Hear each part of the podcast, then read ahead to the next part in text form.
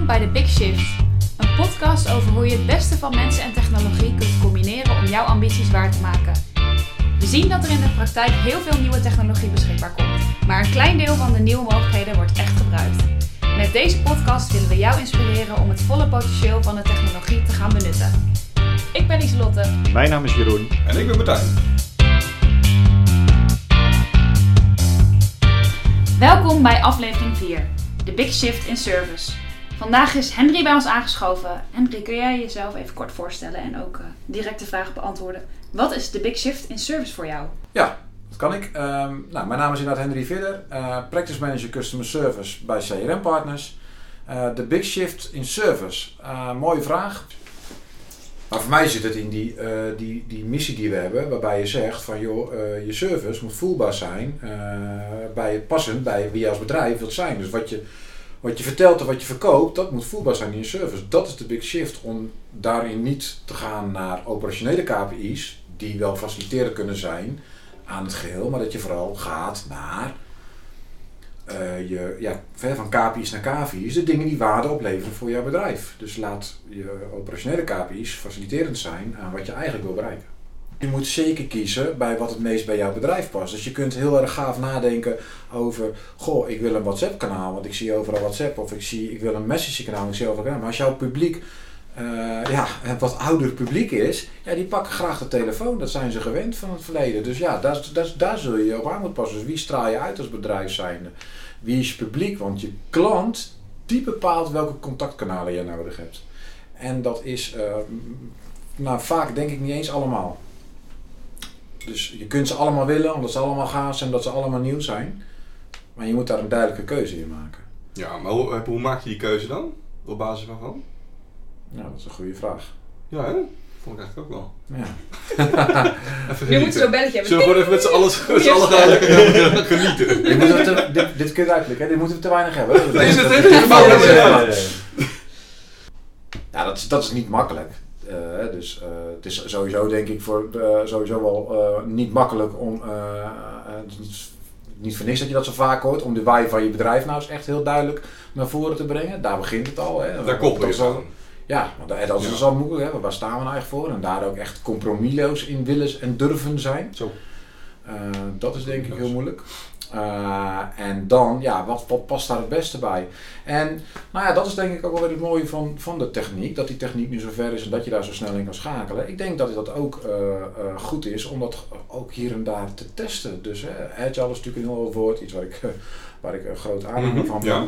Maar ja, weet je, hoe wendbaar ben jij eigenlijk inderdaad om dat te implementeren, om dat te testen, om daarachter te komen? En, om, om, en hoe makkelijk kun jij dat testen en uh, ook weer dan weer koppelen ja. aan, ja, maar wat doet het met de KVI's van mijn bedrijf? KVI's? Ja, even ja, Key Value Indicatoren. Hè, ja. Dus dat ja. gebruik ik graag. Uh, KPI's, dat zijn prestatieindicatoren. Dus je kan uh, kijken van, goh, ik heb een KPI dat mijn gespreksduur een x tijd mag duren.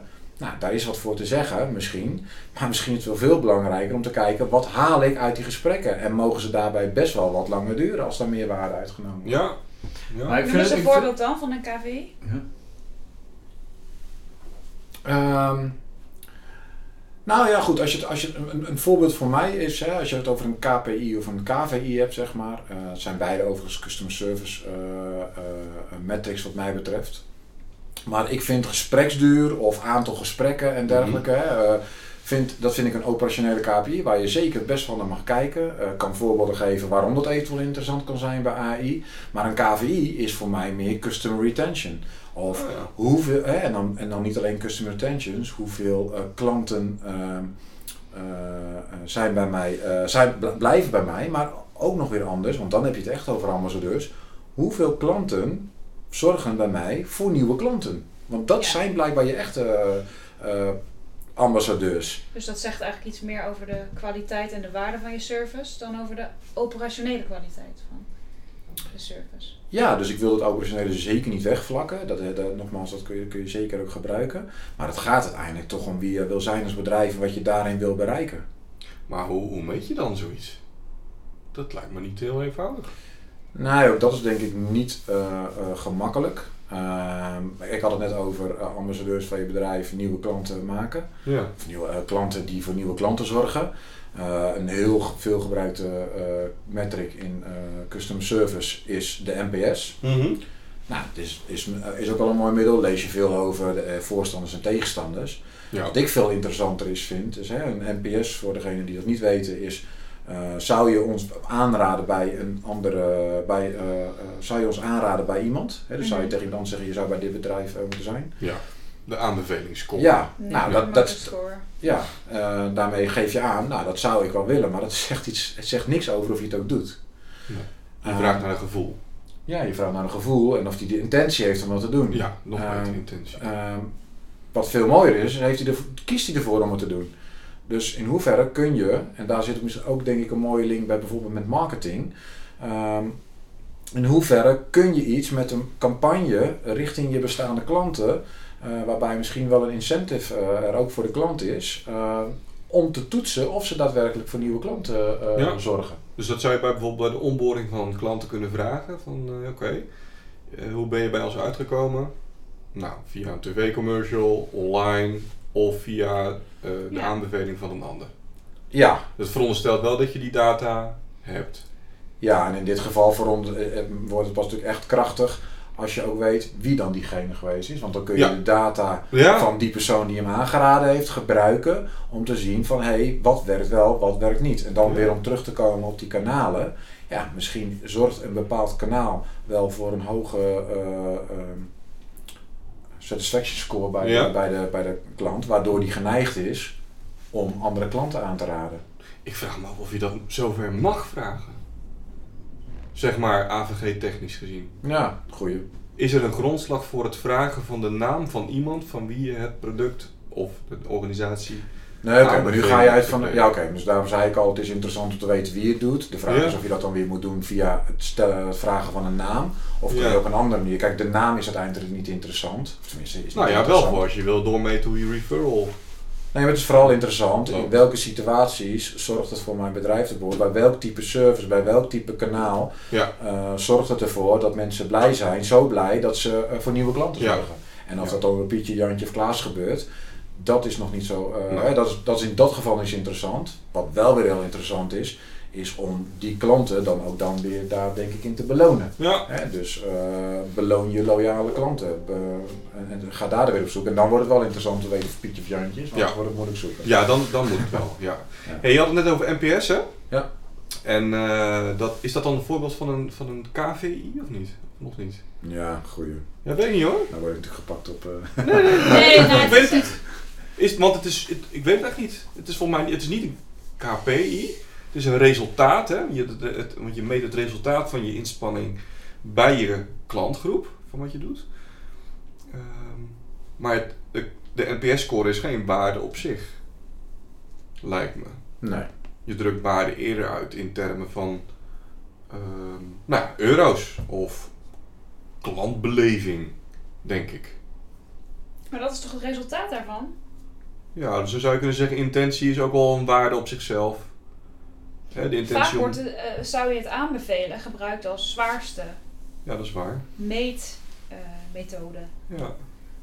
Ja, ik ben toch geneigd om te zeggen dat. eh, dat.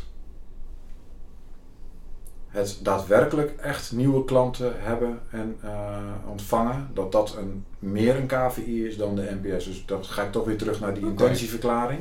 Ja. Ehm, Ja, dan uiteindelijk is ja. het, eh, tuurlijk, is het een indicatie, tuurlijk geeft het wat weer. Nee, maar het gaat inderdaad om het, het, het, de, de maar dat brengt je het nog in principe niks. Je koopt er heel feitelijk geen brood voor. Nee, dat is waar. zeggen. Het, het is een Ja. leuke. Ja, dus, dus dan zit het meer in eh, dat er meer klanten komen als gevolg van Ja, je goede service. Of dat je meer eh, kunt verkopen aan bestaande klanten als gevolg van goede service. Dat zijn dan meer KVI's dan bijvoorbeeld dat je zo snel mogelijk alle vragen antwoordt, beantwoordt. Ja. Ja, precies. Hey, en als je kijkt naar NPS, hè, wat, ehm, er zijn natuurlijk heel veel factoren die invloed hebben op de NPS. Wat is nou eigenlijk de rol van technologie daarin, denk je ongeveer? Kun je daar iets over vertellen? Nou, een, eh, zoals ik zei, onze missie, dat is creating effective, effortless service, briefing your company culture. Dus Ja. wederom, eh, het moet passen bij wie je bent als bedrijf. Ja? Eh, het moet effectief zijn. Eh, maar mensen vinden ook, eh, of zeker niet maar, eh, en mensen vinden ook eh, gemak. Ja. Ervaren ze als heel fijn. En noemt Convenience. effectief, specifiek. Ja, We ja. hebben het natuurlijk vaak over efficiënt zijn in service. Wat is dan voor jou het verschil daarin? Eh, ja, dat zijn nu twee verschillende vragen. Ja, Eh, dus als ik, die van, als ik die van Martijn eerst even beantwoord, ik wil hem zeker toelichten hoor, dus we houden hem vast. Ehm, techniek is, kan natuurlijk in hoge mate eh, ondersteunend zijn in een stukje gemak. Ja.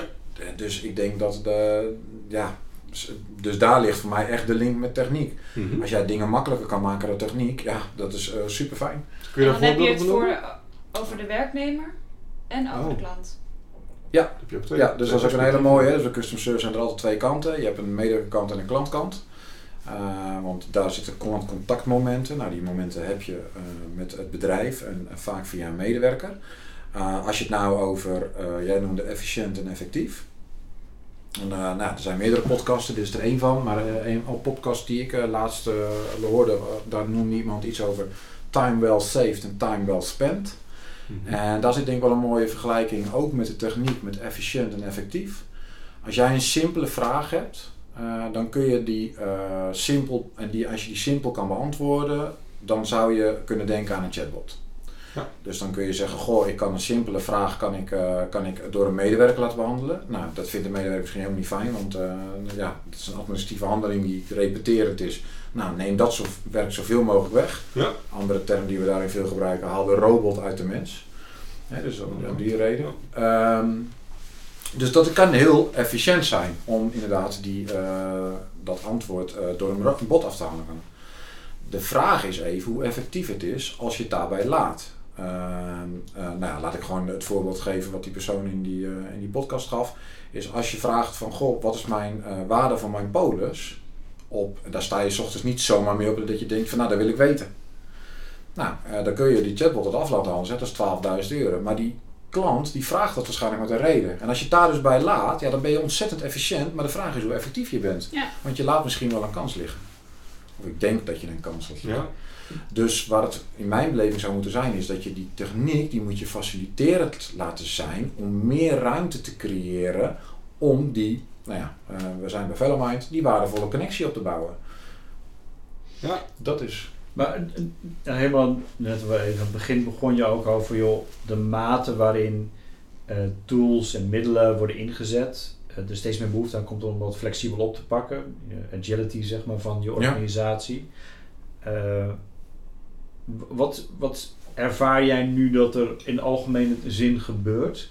Binnen markt zie je wel dat die stappen eh, ook gezegd worden door organisaties, dat ze steeds makkelijker ergens op inspringen? Of is het nog heel erg ad hoc? Is het van, oh er is wat hot en nieuws, dus gaan we het maar doen uiteindelijk op deze manier? Net zoals een chatbot of eh, voice assistant of dat soort zaken uiteindelijk. Of wordt er wel overwogen op een gemeten manier, joh, we gaan de volgende stap in, want we zien dat het belangrijk is en het helpt daarmee om onze, eh, onze customer support en customer service uiteindelijk te verbeteren en te optimaliseren. Eh, nou, dat gebeurt eh, in mijn beleving, eh, en dat lees je ook terug in rapporten, eh, gebeurt dat wel, maar dan wordt het vooral veel gekeken naar, eh, levert het ons wat op aan de kostenkant. Ja. Nou, En daar ligt denk ik ook de grootste crux van, van service, dat het vaak als een kostenpost gezien wordt. Ja. Dat is wel weer ook dat efficiëntie vs Ja. Ja, activiteit. ja. Als Ja, dat, ja, dat klopt, ja, ja, Op ja. het moment dat je effectief service En kunt wat ik toev- nou, eh, niet toevallig, ik lees nog wel eens wat over service. Eh, wat, ik, wat ik zag van service was dat, dat het grappig was dat juist de bedrijven die heel erg op de kosten gaan zitten, dat, die, eh, dat de klantcontacten eh, bij die bedrijven juist hoog, meer kosten hebben als Ja. de bedrijven die dat niet doen. Dus het heeft eigenlijk een, het is eigenlijk een paradox bijna, zeg maar. Ja. Eh, Oh, wat een, mag ik wat, wat geks even gewoon in de groep gooien? ja, daar ben je goed in, dus doe maar. Ja, hè? Is de big shift in service dan eigenlijk dat de big shift zou moeten zijn dat service niet als kostenpost zou moeten worden gezien, maar als de motor voor, ehm, ja, noem het, eh, je bedrijf echt laten zien zoals het is voor Ja. klanten? Ja, dat denk ik zeker. Eh, dus inderdaad de groeimotor van je bedrijf, de imago-beschermer van je bedrijf. Maar dit is ook waar eh klantcontactmanagers en, eh, en eh, serviceafdelingen ook eh, last van hebben. Mhm. Is dat service komt maar weinig in de boord terecht. Ja. En Ja. dat heeft denk ik ook heel erg te maken met het feit dat je die, ehm, die shift moet maken van die operationele KPI's naar die holistische bedrijfsbrede doelen. Als je die koppeling weet te maken en je kan daar die techniek faciliterend in laten zijn, dan heb je hem. eh, Dan heb je de big shift te pakken. Dan heb je de big shift te pakken. Ja. Grappig dat je het zegt, want eh, even afgezien van alle techniekzaken die er zeg maar, zijn, met name de menselijke aspect, je noemt het al op een boordniveau, dus echt op C-level niveau, eh, is de wereld al op dit moment al zover aan het gaan dat die stappen nu gezet kunnen gaan worden? Of zien we er nog steeds wel dat mensen het lastig vinden om het los te splitsen zeg maar, van die harde cijfertjes? Kun, kunnen we zo eerlijk zijn naar onze eigen organisatie, eh, zeg maar vanuit een boardroom perspectief, eh, naar onze eigen organisatie van jongens, maar hier maken we het verschil?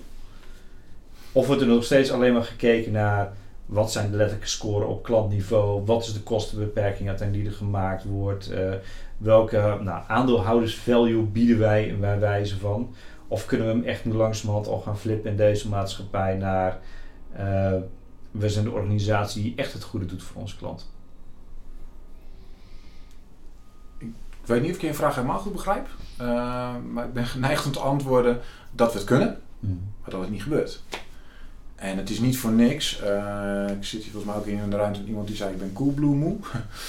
Eh, Maar er is een blog over ook begrepen. ja, het is een zo op eh, LinkedIn. Ja, eh, maar het is ook niet voor niks dat eh eh, Coolblue eh, zoveel genoemd wordt, omdat zo weinig bedrijven dat dan nog, nog echt eh, verder doorvoeren. Ja. Een ander groot bedrijf die het doet is Zeppels in Amerika. Hè. Eh, er wordt ook veel toegespitst. De usual suspect dingen. Ja. en wij zijn op zoek naar de, de, de Zeppels van, eh, van Nederland. En dan, dan is het lijstje in mijn beleving nog te klein. Ja. Ja, maar er worden wel bijvoorbeeld expliciete keuzes gemaakt. Er zijn organisaties al in Nederland die expliciete keuze maken. Eh, we gaan niet meer via een eh, telefoonmenu, dan wel via een chatbot eh, mensen helemaal door, ergens doorheen begeleiden. Nee, we, we laten echt echte mensen aan de andere kant zitten. Ja. Telefoon, via WhatsApp, noem de alle kanalen maar. En die het echt beantwoorden. Precies vanwege de effectiviteit of efficiëntie discussie, wanneer haal je het beste eruit? Hoor je wel uiteindelijk wat de juiste vraag die wordt gesteld.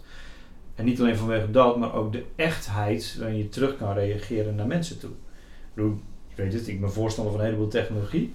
Maar op het moment dat de technologie wordt ingezet alleen maar om kosten te drukken, denk ik bij mezelf, nou, dat was er niet helemaal voor bedoeld, zeg maar. Nee, nee, nee. dan, nee, gaat het, dan gaat het zelfs in mijn hoofd verkeerd. Dus Ja. dat, eh, Maar hoe komt het dan dat we dus eigenlijk wel weten dat het belangrijk is om service als gezicht van je organisatie te zetten, maar dat we dit dus eigenlijk te weinig doen?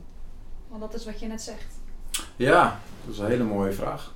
Nog eentje bouwen erin te gooien is in dat opzicht zou eh, je meer, eh, nou dan toch maar op zijn Engels noemen, meer value eruit kunnen halen vanuit je customer service kanaal dan ten opzichte van je sales kanaal?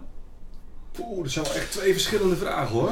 Nou, eh, ik weet niet of je meer value eruit kan halen. eh, maar om maar weer even een, een, een, een onderzoeksmoment eruit te halen, is het, het, het is gewoon zo dat het 5 tot 25 keer zoveel kost, om- veel investering kost om een nieuwe klant eh, te, te realiseren, hoe zeg ik dat, om te investeren in een nieuwe klant, dan om een klant te behouden.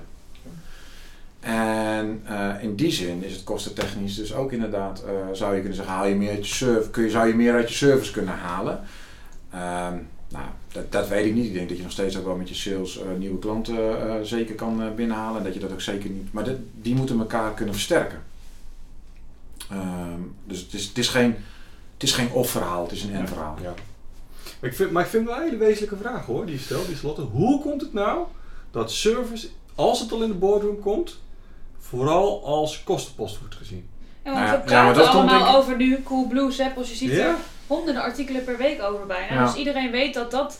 Iedereen wil daar naartoe, maar toch gebeurt het niet. Nee. Veel Nou, nog. Nee, oké. Nou, ik denk dat het dus komt met eh, dat het komt omdat je aan het begin niet nagedacht hebt over, goh, maar waar wil ik nou uiteindelijk aan bijdragen? en dat niet inzichtelijk maakt, want als je dat inzichtelijk maakt, ja, dan kun je daar repeterend eh, naar kijken en dan komt het elke keer in your face terug. Hè, Wat dan- bedoel je met inzichtelijk maken dan? Nou ja, wat het op kan leveren, of eigenlijk wat het niet oplevert als je, eh, als je aan, aan de verkeerde kant van een medaille gaat zitten kijken, dus aan die kostenkant. Ja.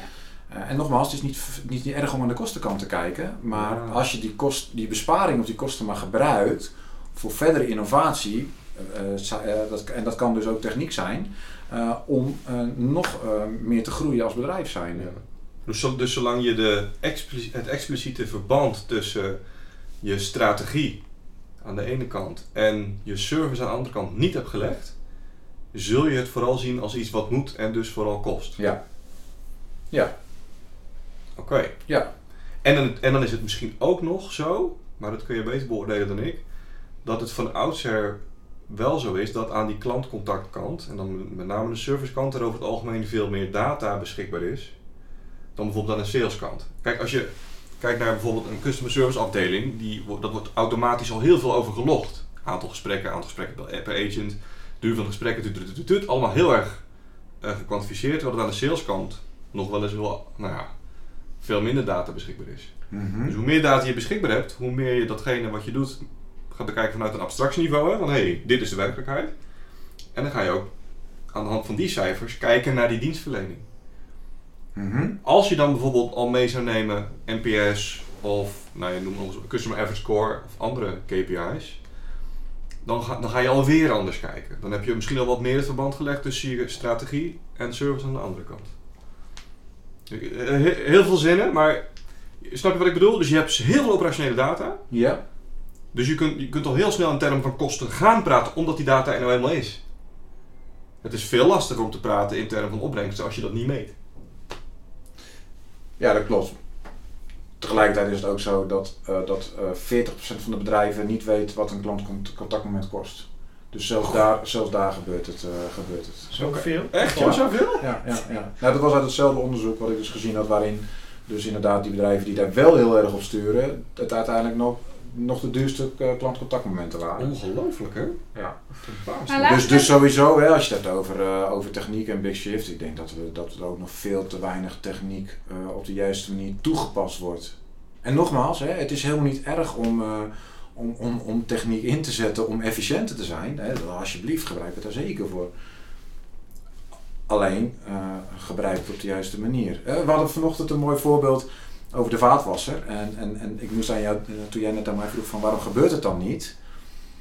Ehm, eh, de, de vaatwasser is, is bijna een beetje analogie daar voor mij voor. Is, en voorheen, ik kom nog uit de tijd dat je eh, moest afdrogen en moest afwassen. En wat gebeurde er tijdens die momenten? Ja, je stond toch met z'n twee of z'n drie aan het aanrecht en dan ging je met elkaar praten. ja, je, had, je moest wat. Dus daar kwam een gesprek uit voort. En de vaatwasser die heeft, dat, eh, die heeft ervoor gezorgd dat wij die tijd eh, niet meer nodig hebben. Wij hoeven niet meer een kwartier of vijf minuten voor te spoelen en af te drogen en noem het allemaal maar op. Dus we, zijn daarmee efficiënter, we winnen daarmee tijd. Alleen, ehm, we weten allemaal dat als we, eh, dat we met elkaar moeten praten om eh, goede relaties op te bouwen. Alleen het effect wat, we, wat ik zie, en ik, ben, ik zie het bij mezelf thuis ook, is dat als het eten op is en het is in de vaatwasser, dan springt die naar zijn kamer, die kijkt op zijn mobiel en die gaat tv kijken.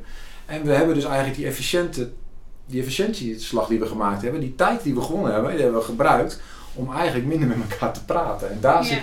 Da- da- en, en, ook dat weten we van elkaar en toch gebeurt het. En, Dus er is en- iets van waarde verloren gegaan. ja, ja, ja, ja, ja. En ik denk dat dat ook bij bedrijven zo gebeurt, omdat we dat te weinig in our face eh, zichtbaar maken. Ja. Ja. We zeggen nu eigenlijk, hè, in- in het gesprek gaat het nu over ehm, service moet meer de voorkant van je organisatie worden. Je moet de waarde ervan inzien, niet als kostenpost. Ja. Ehm, waarom is het niet vertegenwoordigd in de board? Wat betekent dat dan eigenlijk eh, voor organisaties om te veranderen en eh, voor de mensen ook? Voor de mensen. En met welke men, wie, bedoel je dan op mensen? De mensen die in een eh, contactcenter zitten Ja, of de managers. wat, wat, wat moeten zij anders gaan doen dan wat ze nu doen? En wat voor uitdagingen brengt dat met zich mee? Nou, de, een klantcontactmanager die, die zal, zich daar hard voor moeten maken. Hè. Dus, dus hard maken voor de mensen, hard maken om, om daar die, die koppeling te leggen. Hè.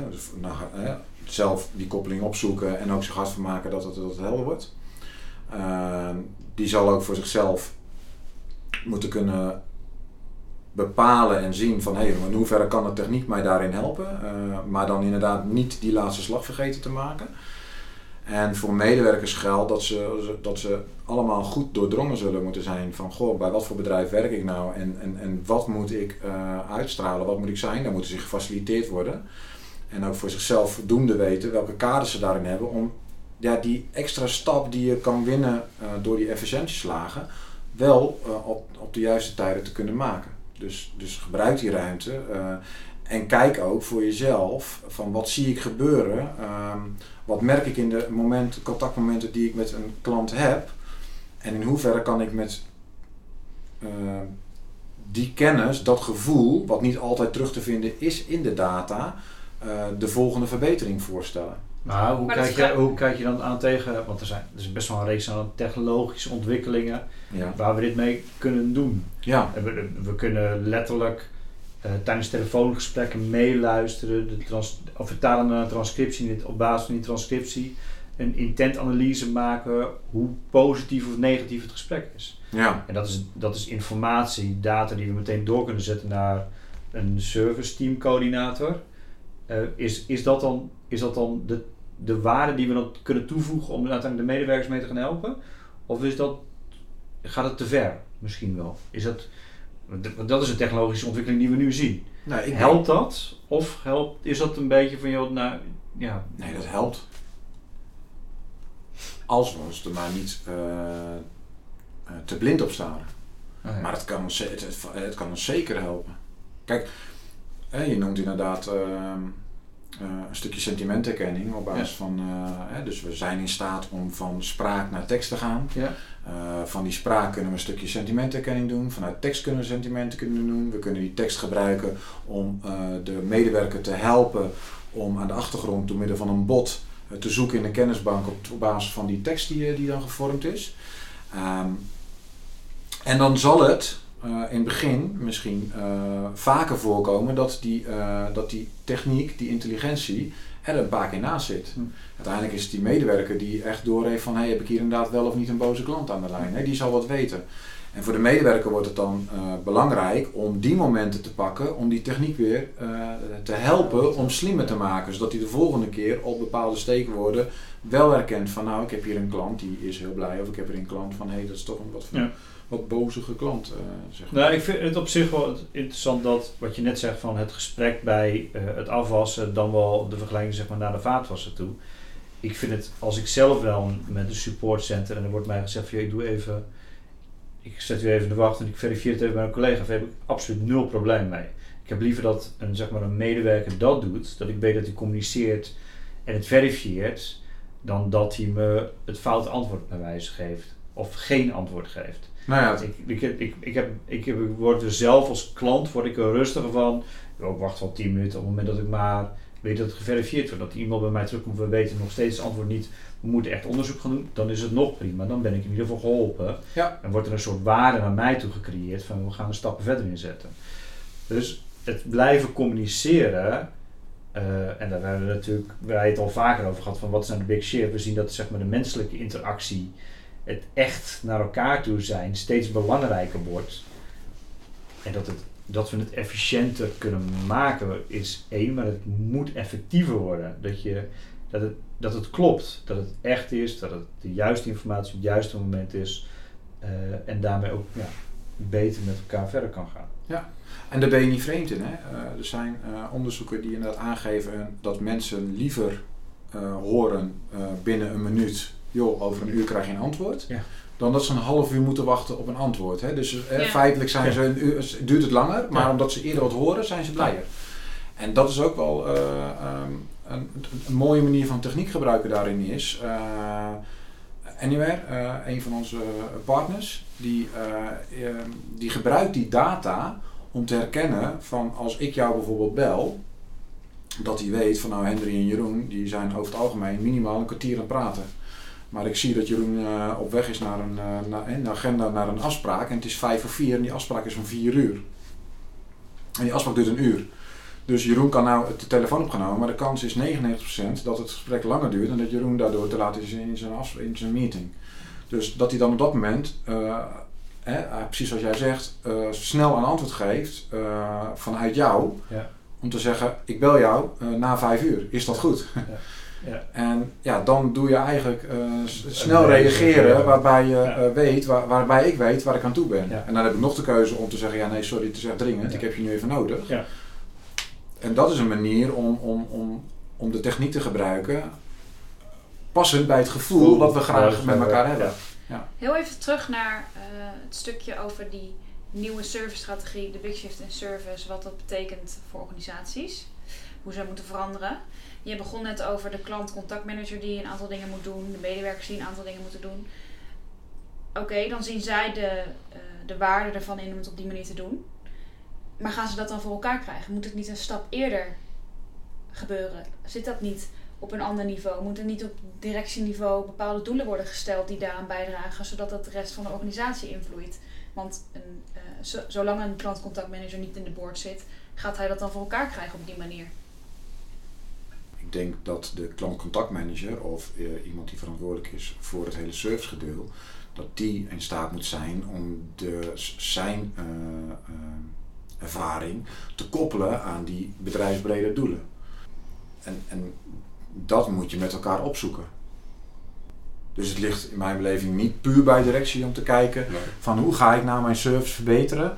Eh, om, om Nee, maar- eh, maar je moet met elkaar snappen, op deze manier kunnen wij de service verbeteren, zodat we als bedrijf veel meer gezien worden zoals we gezien willen worden. Of nog beter, eh, veel meer laten voelen, laten merken, eh, datgene wa- eh, hoe we, eh, wat we uitstralen, wat we zijn, wat we willen zijn. Ja, weet je wat, wat ik wel interessant vind? Is dat we hebben nu een aantal podcasts gemaakt over de Big Shift. En eigenlijk zie je, als het nou gaat om sales of marketing of service, Ja. zie je dat eh, door het steeds eenvoudiger beschikbaar komen van technologie aan de businesskant, het steeds noodzakelijker wordt om een verband te leggen tussen die inzet van die technologie en het strategisch kader dat door C-level wordt bepaald. En eh, daarmee wordt dus het belang van het vaststellen van dat strategische kader belangrijker, maar ook de vertaling ervan naar hoe ga je nou sturen en welke technologie ga je nou inzetten en hoe ga je de veranderingen op menselijk niveau zo vormgeven dat, nou ja, dat die strategische doelen ook echt worden gerealiseerd. En dat is een lijn die ik steeds meer zie ontstaan. Dat vind ik wel heel, eh, heel gaaf. Ja, want dat kun je hier ook weer op toepassen. Ja. Ja, dus echt het belang van goede, inspirerende doelen aan de klantkant. En niet alleen maar omzet kosten.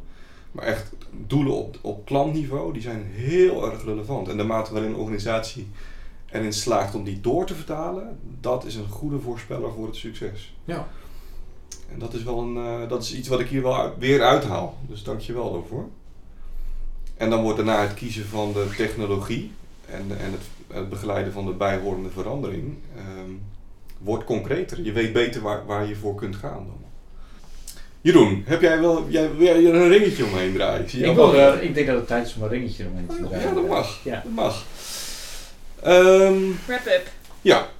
ja, dan stel je altijd een vraag, toch? Oh. Niet? Wat zijn nu de grootste ontwikkelingen, tech- technologisch gezien, op het gebied van service? Ja, dat, dat, dat, hè, de grootste ontwikkelingen, wij, het, eh, dat, dat, heeft, dat, heeft, dat is in brede zin natuurlijk buiten service ook om eh, artificial intelligence natuurlijk, waarvan wat heel hot is, wat veel genomen wordt. Als je dat dan weer gaat vertalen naar customer service, dan heb je het over een virtual agent. Hè, de, en dat kan een chatbot zijn. Ehm, maar inderdaad, hè, dus, dus dat je eh, bepaalde, eh nou, we hebben het al gehad over de robot uit de mens halen. Dat je bepaalde handelingen die gewoon prima door een, eh, door een, chatbot op te vangen zijn, dat je die daardoor laat, ja, dat je die daarmee realiseert. Nee, maar je ziet, je ziet inderdaad gewoon de, de technologieontwikkeling gaat nu aanzienlijk ten opzichte van, van, ja, van de mogelijkheden die, die je wilt dat er graag zijn. En of het nu gaat om eh, kanaalintegratie, of het nu gaat om het ophalen van data, of het nu gaat om eh, het makkelijk kunnen analyseren van die data, eh, rapporten erover draaien. Al dat soort dingen worden steeds makkelijker.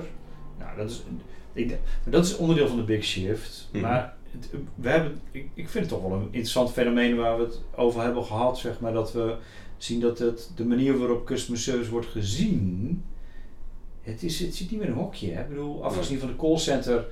eh dingen die we al hebben gehad in alle social media zaken eh, rondom de grote telecomproviders, zeg maar, de paniek die er is geweest. En de ervaring rondom banken, zeg maar, die ziet het steeds meer.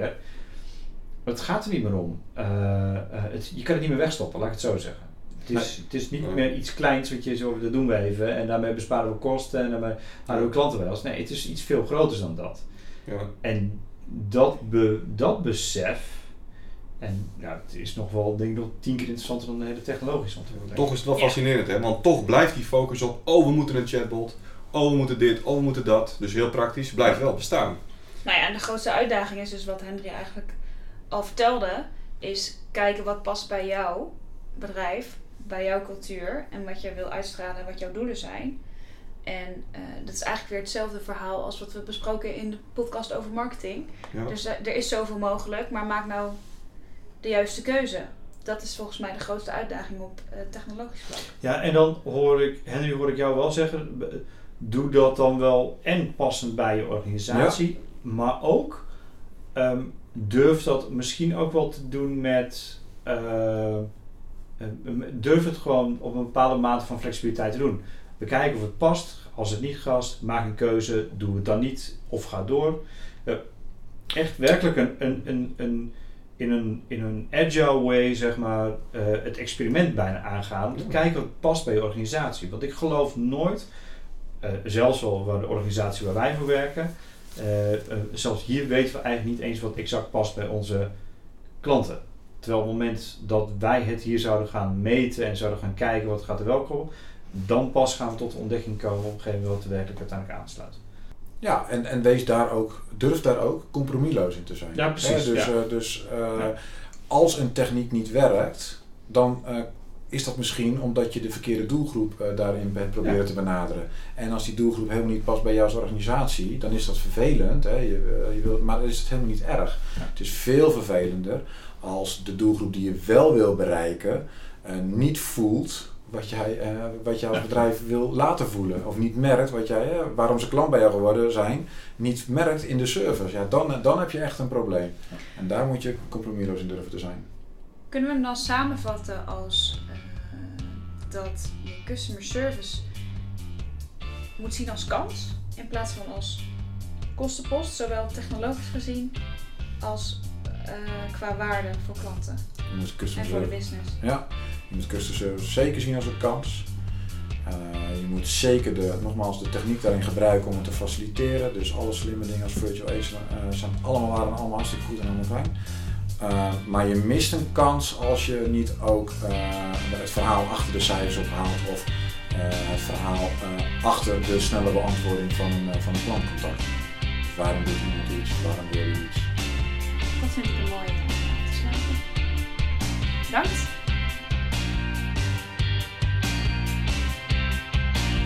Bedankt voor het luisteren naar deze aflevering en tot de volgende keer.